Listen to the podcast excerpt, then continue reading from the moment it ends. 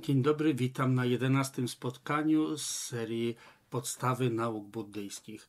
Do tej pory poruszałem różne zagadnienia, ale głównie skupiały się one wobec tematu czterech szlachetnych prawd, które, jak pokrótce przypomnę, obejmują najpierw dwie z obejmują to, czego chcemy się pozbyć, to, od czego chcemy uciec, co chcemy porzucić, czy też wobec czego wytworzyć w sobie postawę wyrzeczenia, o czym było na poprzednim spotkaniu. I to jest prawda o tym, że zwykłe, uwarunkowana egzystencja jest e, przepełniona cierpieniem i brakiem satysfakcji. Druga z tych prawd, mówiąca o przyczynach cierpienia, których e, chcemy także się pozbyć, po to, żeby pozbyć się samego cierpienia. Trzecia z prawd mówi o celu, do którego zmierzamy, o tym, że istnieje stan, który jest poza cierpieniem, stan, który jest opisywany jako trzy kaje Buddy, jako szczęśliwość stanu Buddy, wszechwiedza stanu Buddy i tak dalej. O wspaniałych właściwościach stanu Buddy będzie na pewno jeszcze e, okazja porozmawiać. I wreszcie czwarta z prawd mówi o tym, za pomocą czego, czy przez jakie, dzięki jakim metodom pragniemy osiągnąć ten cel, i jest to prawda o ścieżce. Potem skupialiśmy się trochę w pełniejszy sposób na e, zagadnieniach dotyczących ścieżki. Wspomniałem, że istnieją takie trzy zasadnicze punkty dotyczące ścieżki, o których w bardzo jasny sposób nauczał dziecko Kappa gdzie na razie wymieniłem tylko pierwszy z tych punktów, którym jest e, postawa wyrzeczenia i o tym zaczęliśmy rozmawiać. Wspomnę, ponieważ nie zostało to jeszcze tutaj powiedziane, że drugi z punktów e, dotyczy bodhicitty, czyli e, tak jak mówi Tsongkhapa, jeśli bodhicitta nie będzie przeniknięta postawą bodhicitty, to wówczas nie doprowadzi to do e, wyzwolenia z samsary, do, do osiągnięcia wszechwiedzy stanu Buddy. Wreszcie trzeci punkt mówi o mądrości, która rozumie ostateczną naturę zjawisk. Spośród tych trzech punktów jesteśmy teraz ciągle jeszcze przy pierwszym, przy tym jak rozwinąć w sobie tę postawę wyrzeczenia, która to postawa zawiera w sobie trzy elementy. Po pierwsze zrozumienie co chcemy porzucić, po drugie, co chcemy osiągnąć, czy niejako można powiedzieć, dokąd uciec, i po trzecie, ścieżka, którą chcemy uciec. Dlatego podkreślałem i omawialiśmy to już dokładniej, dlaczego słowo wyrzeczenie, mimo że z braku lepszego pomysłu ciągle go używamy, ale w zasadzie nie oddaje istoty zagadnienia. Niemniej jest to bardzo ważne, że jeżeli mówimy o ścieżce, to znaczy, że chcemy się dostać z punktu A do punktu B. I nie jesteśmy w stanie znaleźć się w punkcie B, jeśli nie jesteśmy gotowi porzucić się, pozostawić za sobą punktu A. Podobnie nie jest tak, że duchowa ścieżka oznacza, że będziemy mieli e, te same małostkowe, dualistyczne, egoistyczne pragnienia, te same oczekiwania i praktyka buddyjska pozwoli nam tylko realizować je w taki bardziej beztroski i radosny sposób. Nie, ponieważ samsara to nie jest po prostu złe miejsce. To nie jest tak, że tu, gdzie żyjemy, że ciało, w które mamy, że miejsce, w którym żyjemy, jest złe samo w sobie. Samsara to jest błędne postrzeganie. Wszystkie problemy, wszystkie troski, brak satysfakcji, wszystko to płynie z naszego błędnego postrzegania, z błędnych mentalnych reakcji.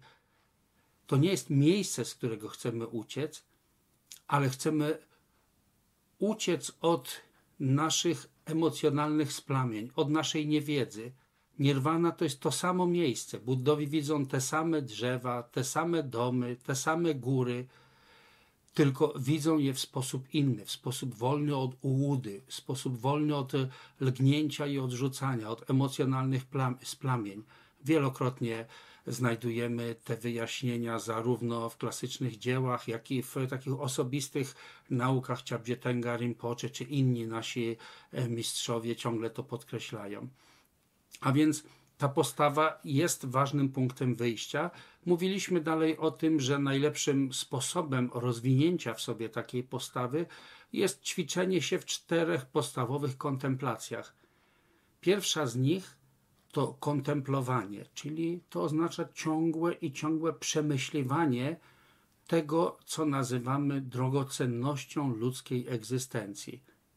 I ponieważ mówimy, że jest to kontemplacja, oznacza to takie świadome ćwiczenie swojego umysłu w tym, że ciągle i ciągle przemyśliwujemy ten sam temat tak głęboko, tak dokładnie, że stanie się to niejako to zrozumienie niejaką częścią nas samych.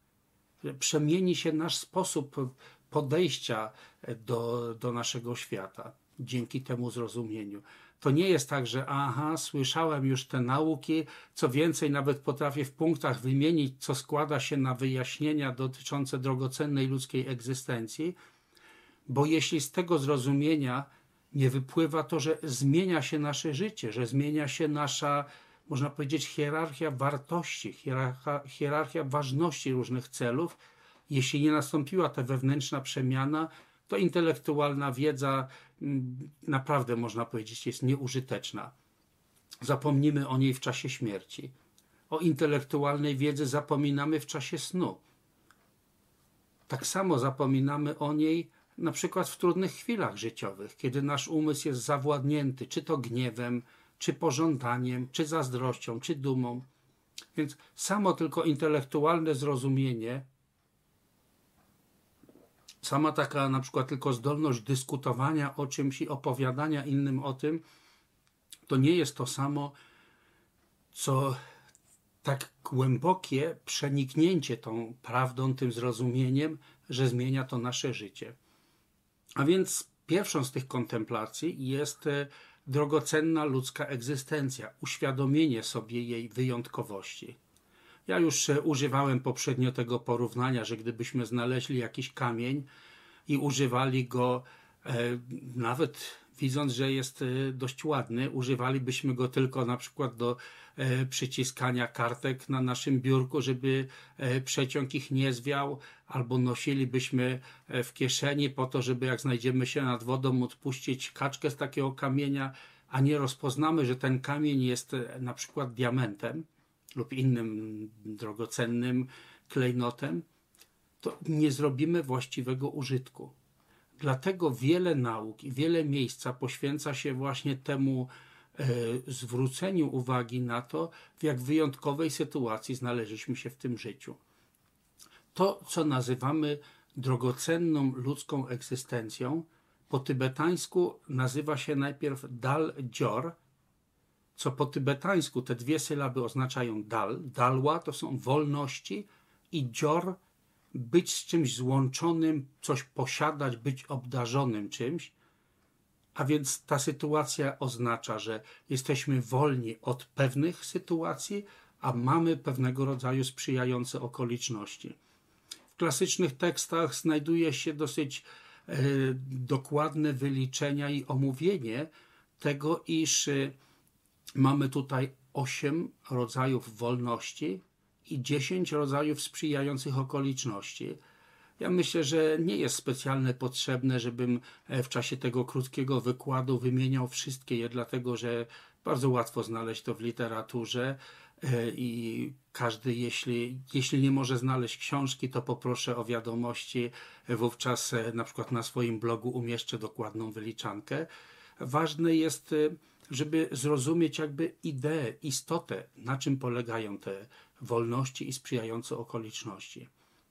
Otóż tych osiem wolności oznacza najpierw bycie wolnym od czterech rodzajów odrodzenia w nieludzkich, nie będących ludzkim odrodzeniem, w nieludzkich światach, w nieludzkich egzystencjach, ponieważ poza tą ludzką egzystencją nie ma możliwości swobodnego praktykowania darmy.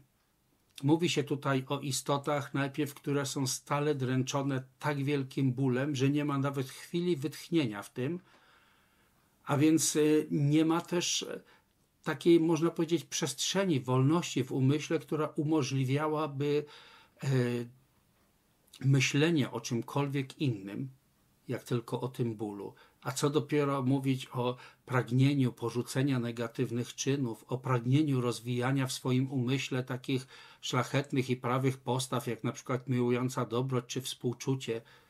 Kiedy odczuwamy, że inni nas dręczą, stale doświadczamy tylko, tak zazwyczaj jest nawet i w ludzkim świecie, doświadczamy po prostu gniewu i niechęci. W światach, które nazywamy piekielnymi, to samo jest o wiele bardziej intensywne. To samo dotyczy świata głodnych duchów, gdzie istoty są tak dręczone głodem i pragnieniem, że jest e, wiele tekstów opisuje, że nawet przez setki lat nie są w stanie, nie mogą nawet posłyszeć takiego e, wyrazu jak woda, a co dopiero znaleźć faktycznie wodę, którą mogłyby ugasić pragnienie. Dalej mówi się o świecie zwierząt, które po prostu są przepełnione brakiem zrozumienia, brakiem inteligencji. Ja pamiętam jeden e, z wielkich e, e, współczesnych mistrzów dawał taki przykład, że gdyby, no, powiedzmy, przemień, przemieńmy ten przykład, przyprowadźmy przykład do sytuacji grabnika.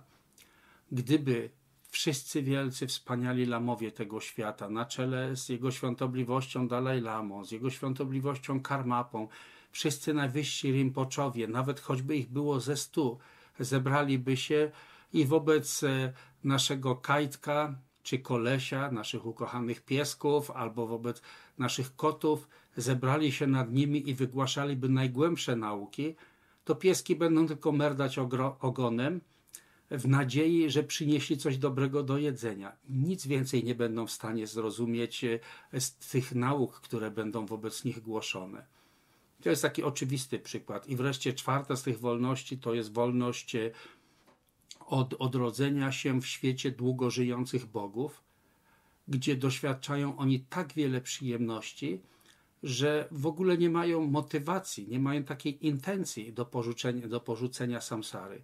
Ta zresztą sytuacja przypomina mi e, wielu e, bliżej lub dalej znanych przeze mnie ludzi, którzy dopóki wszystko układa się w życiu dobrze, mają e, dobrze prosperujący biznes, dobrą rodzinę, nawet jeżeli spotkaliby się z naukami darmy, to co najwyżej mogą się zainteresować może estetycznym aspektem, mogą potraktować jako ciekawą rozrywkę intelektualną, ale, ale trudno w ich umyśle, żeby powstała idea porzucenia całkowicie samsary.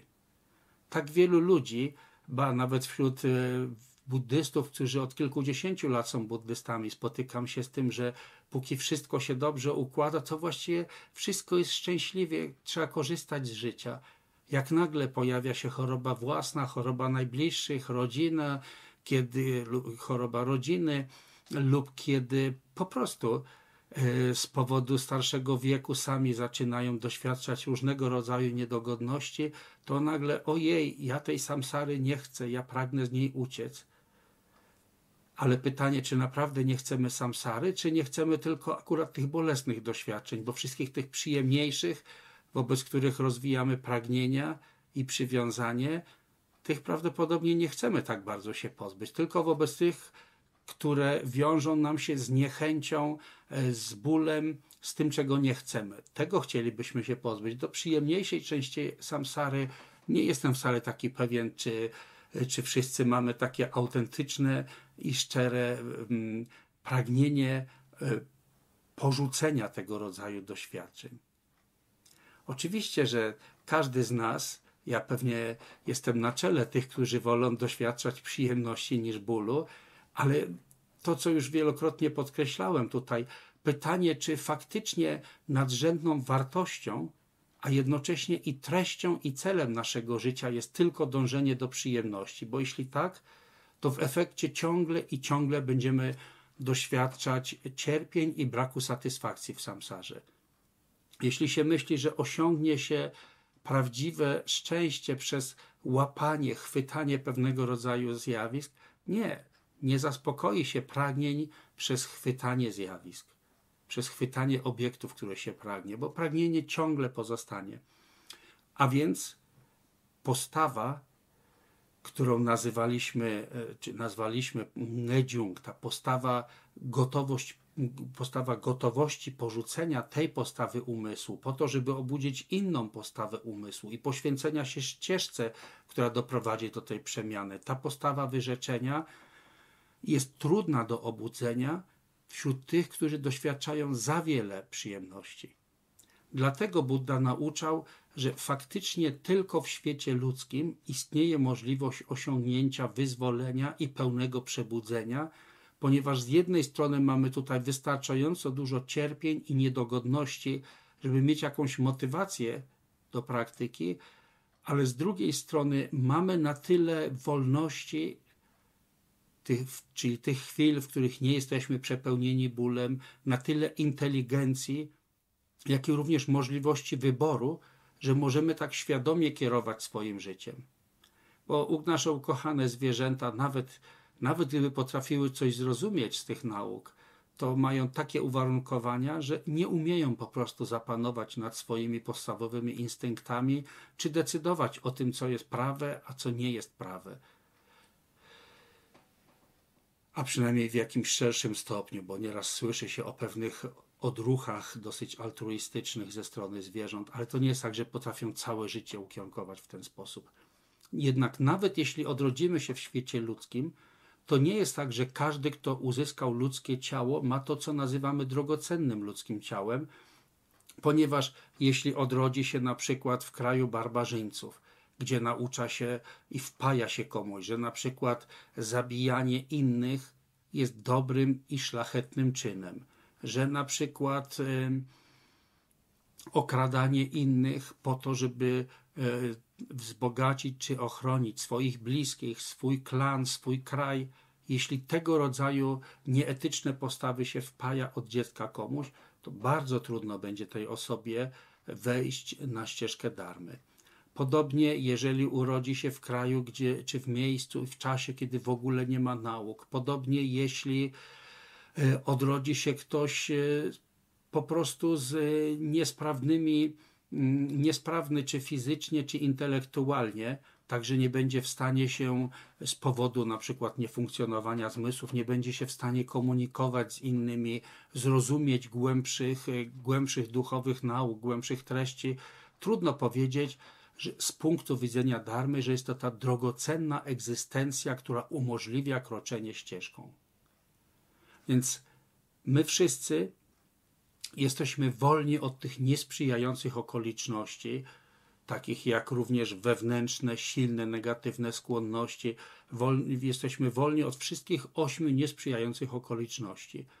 Co do sprzyjających okoliczności, tutaj pięć z nich dotyczy nas samych i one mówią o tym, że posiadamy w nas skłonność do praktykowania, zaufanie do Buddy, Dharmy, Sangi i tak dalej. Te właściwości, które dotyczą nas samych.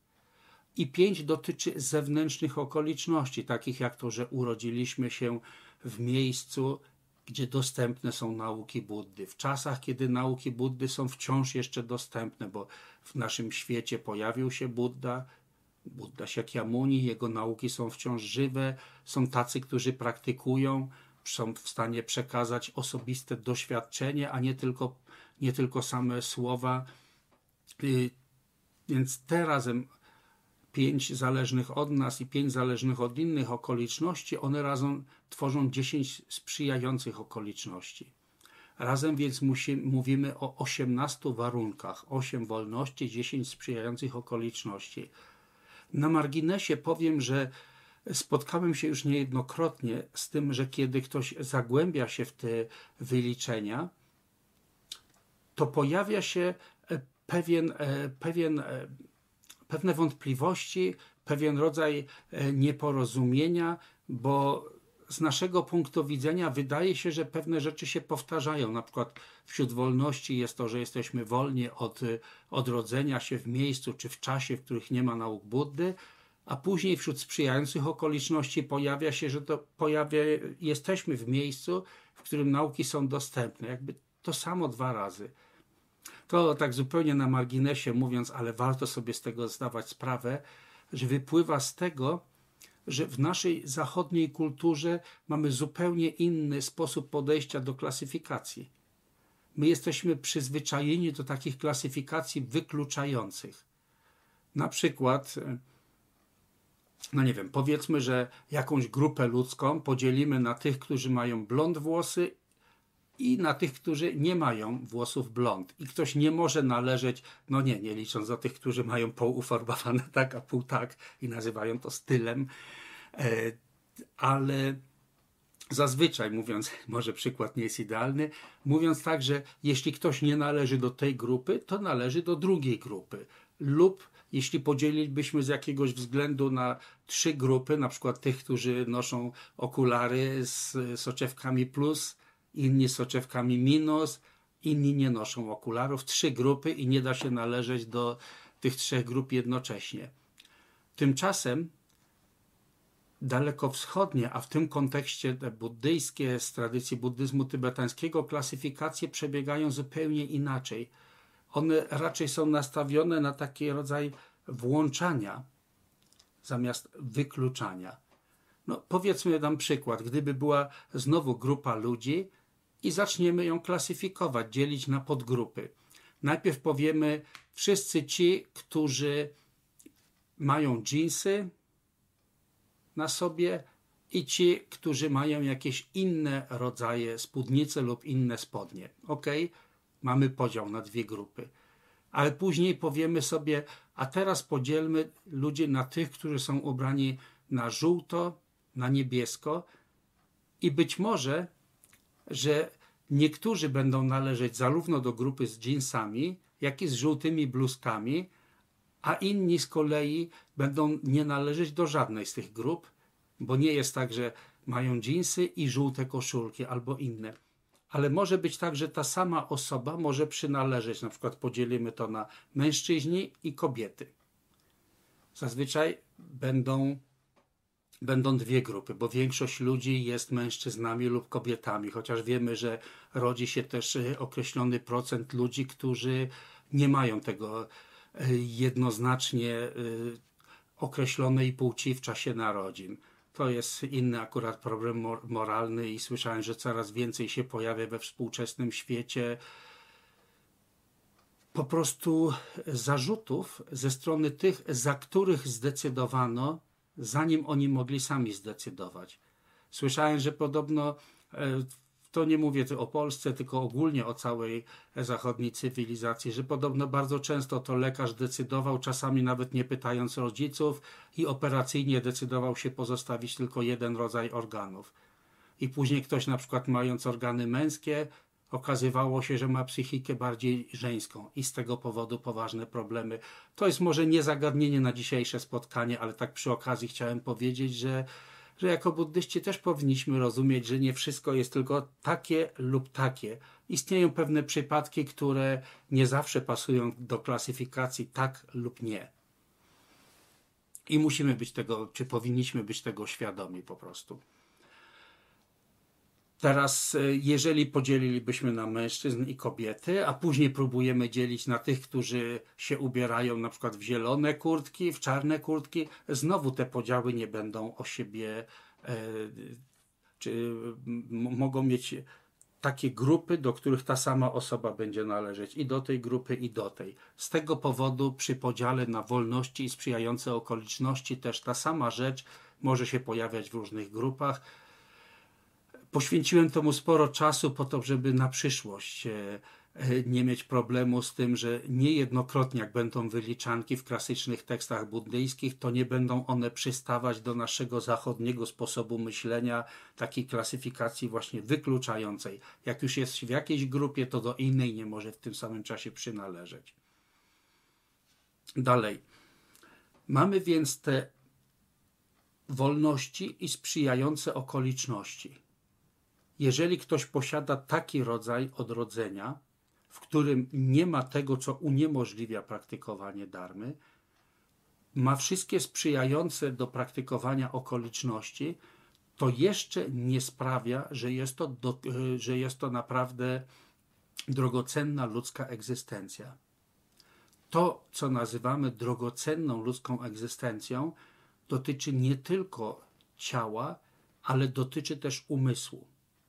I na przykład niezrównany Gampopa opisuje, że co do umysłu są tutaj trzy warunki, które stanowią o tym, że ktoś ma drogocenną ludzką egzystencję. W tym kontekście drogocenna oznacza umożliwiająca to praktykowanie duchowej ścieżki, umożliwiające kroczenie ścieżką bodhisattwy, ścieżką prowadzącą do stanu Buddy.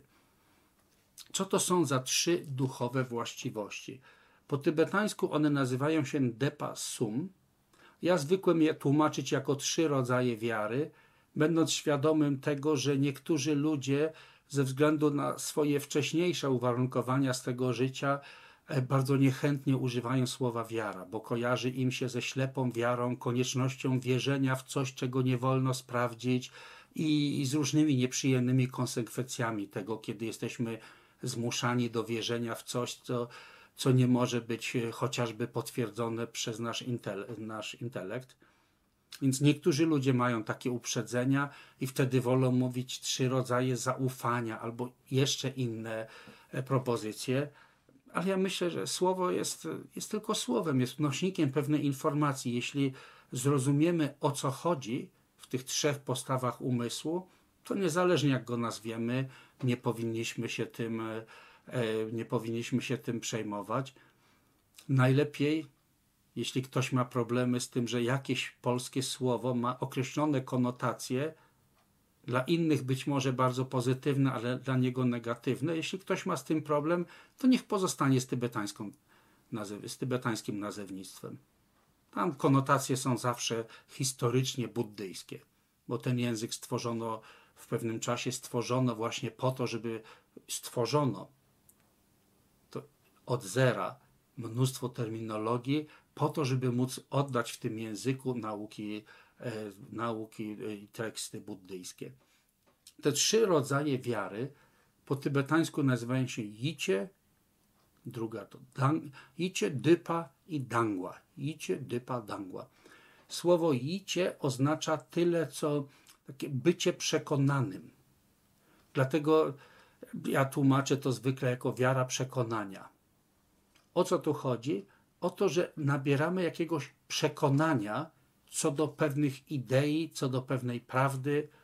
Na przykład poznajemy kogoś, jakiegoś człowieka, pracujemy z nim przez długi czas, czy to jest praca zawodowa, czy w jakiejś organizacji charytatywnej, czy cokolwiek, czy razem uprawiamy sport, y, wspinaczkę. W miarę jak kogoś poznaliśmy w wielu trudnych sytuacjach, nabieramy całkowitego przekonania, że możemy na tym kimś na pewno polegać. Wiemy, że na przykład gdyby w jakiejś bardzo trudnej sytuacji, chociażby pogodowej czy innej, e, złapała nas e, e, sytuacja podczas wysokogórskiej wspinaczki, mamy pewność, że ten ktoś nas nie zostawi, bo tyle razy sprawdziliśmy, że mamy abs absolutne przekonanie, że tak właśnie jest. To oznacza słowo icie. Mówi się, że to jicie głównie odnosi się do takich nauk jak o działaniach i skutkach, nauki o karmie i tego rodzaju wyjaśnienia, które znajdujemy w naukach Buddy, są szczególnie punktem odniesienia. Najpierw przyjmujemy to w pewien sposób, aha, tak, aha, tak Buddha nauczał. Przemyśliwujemy, obserwujemy, jak wyglądają różne życiowe sytuacje, i coraz bardziej nabieramy przekonania, że tak właśnie musi być. To jest ten pierwszy rodzaj, który ja nazywam wiarą przekonania.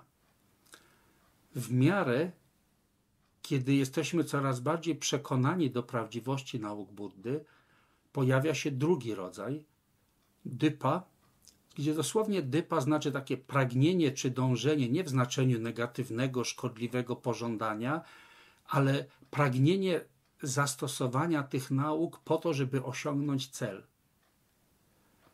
I tutaj w szczególności punktem odniesienia tego rodzaju wiary dążenia, ja tak to tłumaczę, wiara dążenia czy pragnienie dążenia, W szczególności odnosi się to do prawdy o wygaśnięciu cierpienia i prawdy o ścieżce.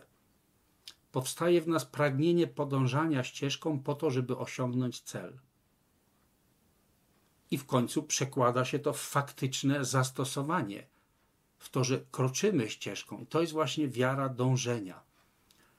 Trzecia z nich nazywa się dangła, gdzie słowo dang oznacza taki tyle co świetlisty, czysty, w znaczeniu, że jest to taki stan umysłu, w którym ma się do czegoś takie zaufanie, czy też wiarę, która nie wymaga koniecznie intelektualnego, logicznego potwierdzania, tylko w taki oczywisty sposób czujemy, po prostu czujemy przekonanie do czegoś. Ten rodzaj wiary nazywamy czystą wiarą. To nie jest tak, że on pojawia się wyłącznie w wyniku praktykowania dwóch poprzednich. W wyniku tego, że najpierw przekonujemy się do nauk, później zaczynamy je stosować i w efekcie pojawia się w nas takie bezpośrednie doświadczenie, kiedy mamy dangła, takie czystą wiarę. To również tak działa, ale nie tylko tak ponieważ bywa tak, że z powodu poprzednich uwarunkowań, być może z tego życia, a najprawdopodobniej z poprzednich żywotów, niektórzy odczuwają na przykład coś takiego, kiedy wchodzą do świątyni buddyjskiej, spotykają jakichś e, buddyjskich e, mistrzów, którzy sami są przykładem i ucieleśnieniem tego, co nauczają. Ja wielokrotnie słyszałem od różnych przyjaciół, że na przykład spotkawszy jego świątobliwość Dalaj Lamę, albo będąc tu czy tam w jakichś miejscach na świecie, w różnych świątyniach, e, świętych miejscach, tak po prostu czuli, nie wiedząc dlaczego, ale czuli, że to jest, że to jest ich, że oni chcą być częścią tego. To się nazywa właśnie dangła. Coś takiego, co jest, można powiedzieć, poza intelektem. I na dobrą sprawę, wszystkie trzy rodzaje wiary są potrzebne po to, żebyśmy w ogóle mogli rozpocząć ścieżkę. Przecież gdybyśmy nie mieli chociaż trochę zaufania do tych nauk, to nawet nie zaczęlibyśmy ich analizować. Gdyby nie było chociaż trochę dangła, takie, czuję, że może być w tych naukach Buddy coś, coś inspirującego i pomocnego dla mnie. Gdyby nie było tego pierwszego odruchu, nie pojawiłaby się wiara przekonania, która wypływa ze studiowania, z analizowania nauk, bo nawet byśmy nie zaczęli słuchać nauk, ich analizować. Ale jeżeli nie wprowadzimy tego w działanie, jeśli nie kroczymy ścieżką, to samo tylko intelektualne przekonanie, albo samo tylko takie odczuwanie, że jest w tym coś dobrego, nie pogłębi się, będzie chwiejne, a może w końcu nawet jak ktoś zacznie nam opowiadać e, jakieś negatywne rzeczy na temat Buddy, na temat jego darmy czy sangi, to być może, że ta nasza taka pierwsza czysta wiara zupełnie legnie w gruzach. Dopiero kiedy stosujemy te nauki, mam na myśli tutaj drugi rodzaj wiary dążenia, kiedy widzimy, że to naprawdę działa, że to naprawdę przemienia nasz samy, nas samych, nasz sposób e, postrzegania, reagowania to wtedy dangła, czyli ta czysta wiara, staje się coraz głębsza i silniejsza. Tak samo wtedy pragnienie głębszego poznawania nauk, analizowania, przekonanie do tych nauk tak samo się powiększa. Jeżeli nie stosujemy nauk, pozostają one na poziomie intelektu albo na poziomie takiego tylko dobrego odczucia, to bardzo często jest tak, że po nawet wielu latach, nawet po kilkudziesięciu latach, niektórzy mają wielkie wątpliwości, czy po pierwsze wykorzystali dobre życie, ale wszyscy mamy tego rodzaju odruch, że jeśli coś mi się nie wiedzie, no to kto jest winien? Przecież na pewno nie ja. I bardzo często jest tak, że zaczyna się szukać winy wtedy, może w naukach, może one nie są takie dobre, może powinienem popróbować jakichś innych metod i tu przypomina mi się pytanie, które ktoś zadawał przy jednym z poprzednich e, spotkań, czy jeżeli ktoś podąża ścieżką buddyjską, czy właściwe jest korzystanie też z innych metod, innych tradycji. Z jednej strony można powiedzieć, że jeśli coś komuś pomaga, to jest dobre. Ja jestem chyba ostatnim na liście tych, którzy będą komuś zabraniali poszukiwań duchowych, próbowania różnego rodzaju metod, ale z drugiej strony opieram to nie tylko teraz, co powiem, nie tylko na własnym doświadczeniu, ale wielokrotnie słyszałem to od różnych współczesnych mistrzów i również od, od swoich, e, tych, z którymi mam najbliższą więź, od swoich lamów, od Sandzie Niemby Rinpoche, od Tengi Rinpoche. Również słyszałem to, że taka postawa, której jest potrzeba poszukiwania jeszcze innych metod, jeszcze innych ścieżek, wypływa zawsze i wyłącznie tylko z tego, że nie zastosowało się tak naprawdę do siebie tych nauk, które już się ma. Faktycznie, jeśli się zrozumie głębie swojej własnej praktyki, którą się otrzymało od swojego nauczyciela, to po prostu nie ma potrzeby szukania czegokolwiek więcej. Widzi się, że każda z tych metod, mówimy teraz o konkretnych sadanach Vajrayany, każda z nich posiada w sobie wszystko, posiada wszystkie nauki darmy.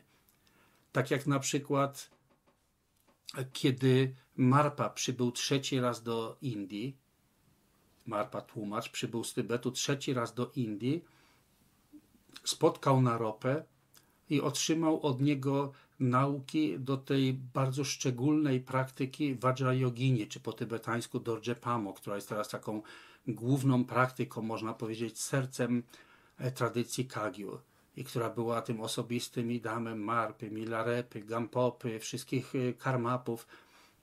Kiedy Naropa przekazał te nauki Marpie, powiedział: Słuchaj, jeśli masz tę darmę, tę praktykę, to nie potrzebujesz żadnych innych nauk. Wszystkie nauki darmy są w niej zawarte. W niej jednej zawiera się wszystko. Marpa wtedy zdumiony zapytał Naropę, to dlaczego od razu mnie tego nie nauczyłeś? Naropa odpowiedział, bo wtedy nie byłeś do tego odpowiednio przygotowany. Nie doceniłbyś i nie zrozumiałbyś i dlatego też nie docenił prawdziwego znaczenia tych nauk. A ponieważ byś ich nie docenił i nie zrozumiał, nie osiągnąłbyś właściwego pożytku. Dlatego musiał Marpa przejść przez taki szereg praktyk przygotowawczych.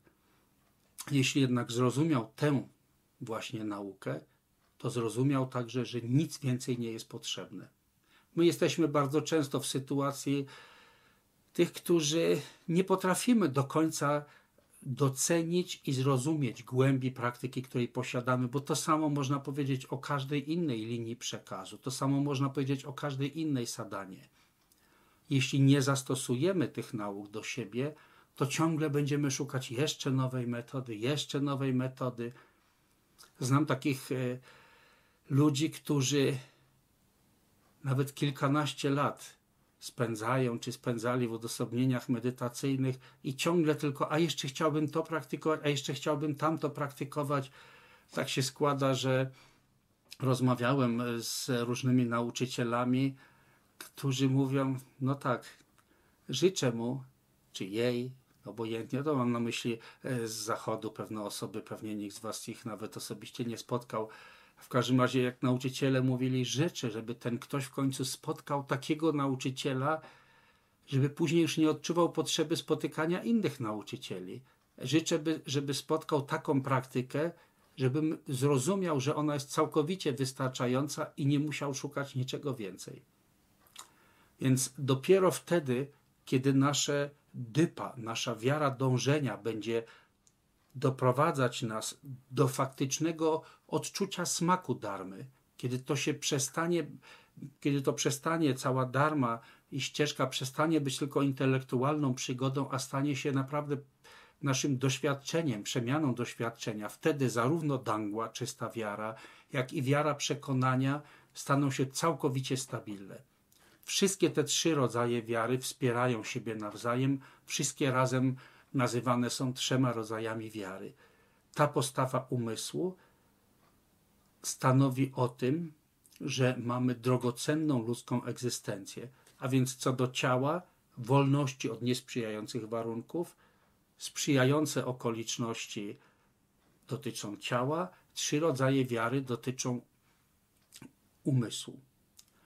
W jaki sposób ćwiczyć się, w jaki sposób kontemplować to rozmyślanie, czy ćwiczyć się w zrozumieniu drogocennej ludzkiej egzystencji. Jeden ze sposobów jest taki, że na przykład używamy do tego e, tekstu Nyndro, chociażby Mahamudry, teksty Nyndro z innych tradycji, to samo przedstawiają może w nieco innych słowach, kilka, kilka słów e, więcej lub mniej, krótsze, dłuższe sentencje. W naszym tekście jest powiedziane Dankpo Gomdzia Daldzior Rinchendi. Dankpo Gomdzia. Najpierw należy medytować. Medytować w znaczeniu nabrać wprawy, przyzwyczaić się. To słowo gom oznacza nabrać w czymś wprawy. Nad, nad czym? Daldzior rinciem. Dalła, mówiłem już, że to są wolności, dziorła sprzyjające okoliczności. Rincien, rincien po tybetańsku znaczy drogocenne, czyli najpierw rozmyślamy nad tym, że uzyskanie tych wolności i sprzyjających okoliczności jest czymś drogocennym. Dlaczego jest drogocennym? Druga linijka o tym mówi. Może już nie będę e, po tybetańsku recytować e, dla oszczędzania czasu, ale tekst mówi, która jest tak trudna do osiągnięcia i łatwe do stracenia. Trudne do osiągnięcia, bo to nie jest tak, że odrodzenie się w tych y, sprzyjających okolicznościach i w wolnościach i posiadanie trzech rodzajów wiary, że jest tym czymś takim, co w samsarze pojawia się powszechnie. Nie.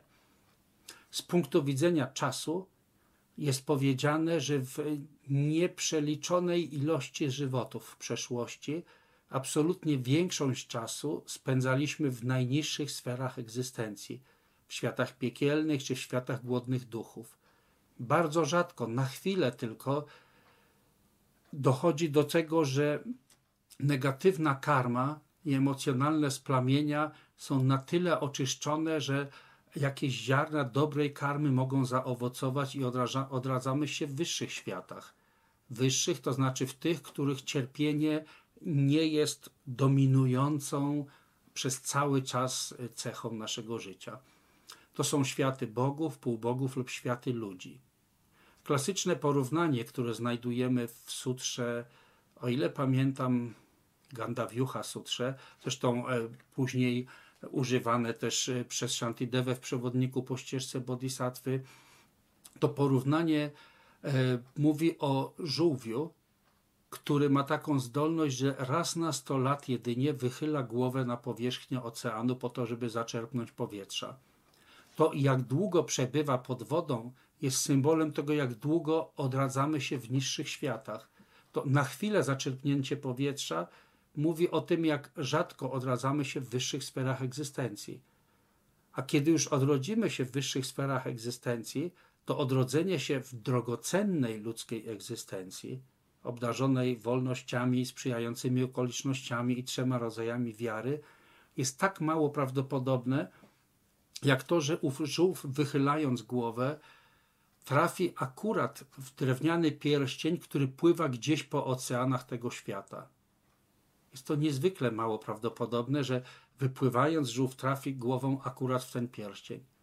Podobnie to, że odrodziliśmy się w drogocennej ludzkiej egzystencji, nie oznacza, że jeśli byśmy to życie zmarnowali, to jest takie oczywiste i proste, że w następnym życiu znów uzyskamy cenne ludzkie ciało. Wielce prawdopodobne, że nie.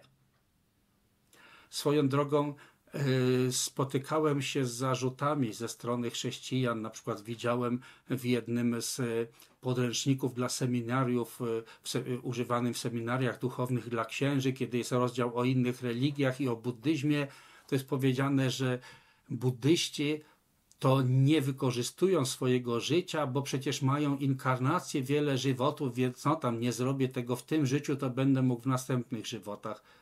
To jest zupełne niezrozumienie, jakby błędne przekazanie nauki buddyjskiej. Tutaj bardzo wyraźnie się mówi, jeśli nie wykorzystasz tego życia, to jest nieprawdopodobne, żeby w następnym życiu móc z powrotem odrodzić się w tak kolejnych, e, e, w kolejnych żywotach, móc się odrodzić w tych sprzyjających okolicznościach. Jamgon Kongtrul Lodrotaje w jednej ze swoich pieśni używa takiego porównania, które jakoś tak szczególnie e, mi przypadło do serca, więc często go używam, że jesteśmy jak kamień, który leży gdzieś na dnie oceanu. Dharma jest jak lina, która swoją końcówką dotyka samej powierzchni wody. I tak niezwykle nieprawdopodobne jest, żeby prądy morskie tak się zbiegły, że wyrzucą kamień na powierzchnię oceanu. To jest przykład tego, jak wśród tej otchłani wielu, wielu żywotów w samsarze nagle w tym życiu znaleźliśmy się na moment na powierzchni.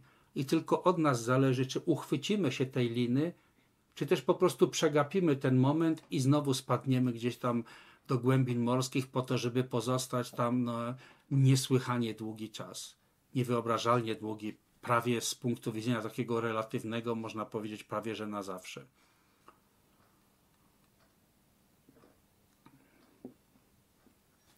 Więc drogocenne ludzkie życie jest tak trudne do osiągnięcia. Analizujemy to z punktu widzenia czasu, analizujemy z punktu widzenia ilości, na przykład patrząc na ilość czujących istot. Klasyczny przykład mówi o tym, że weźmy jakiś określony obszar, w którym żyjemy. Na przykład my tu w Grabniku, albo tam, gdzie żyjecie, pomyślcie na przykład o chociażby najbliższej dzielnicy czy okolicy kilku domów. Każdy potrafi nawet jeśli jest to jakieś wielkie blokowisko, to potrafi policzyć, ile ludzi znajduje się w tym terenie. Ale trudno byłoby policzyć, ile zwierząt jednocześnie, nawet jeśli jest to wybetonowany miejski teren, ile zwierząt tam żyje, wliczając to wszystkie najmniejsze owady, wliczając to wszystkie gryzonie i tak dalej. Jest to nieporównywalnie więcej niż y, ludzi w takim miejscu poza miastem, jak tu w Grabniku, jak pomyślimy o wszystkich owadach, ptakach, to przecież pod powierzchnią Ziemi żyje o wiele, wiele więcej zwierząt niż na powierzchni. To już tak e, z, z biologii wiemy, spróbujcie sobie e, znaleźć, e, wygooglować na przykład w mętrze sześciennym Ziemi, takiej z powierzchni Ziemi, ile znajduje się dżdżownic. To już jest niewyobrażalna liczba, a to są nie jedyne tylko żyjątka. Nieporównywalnie więcej zwierząt żyje w wodach, w jeziorach, oceanach.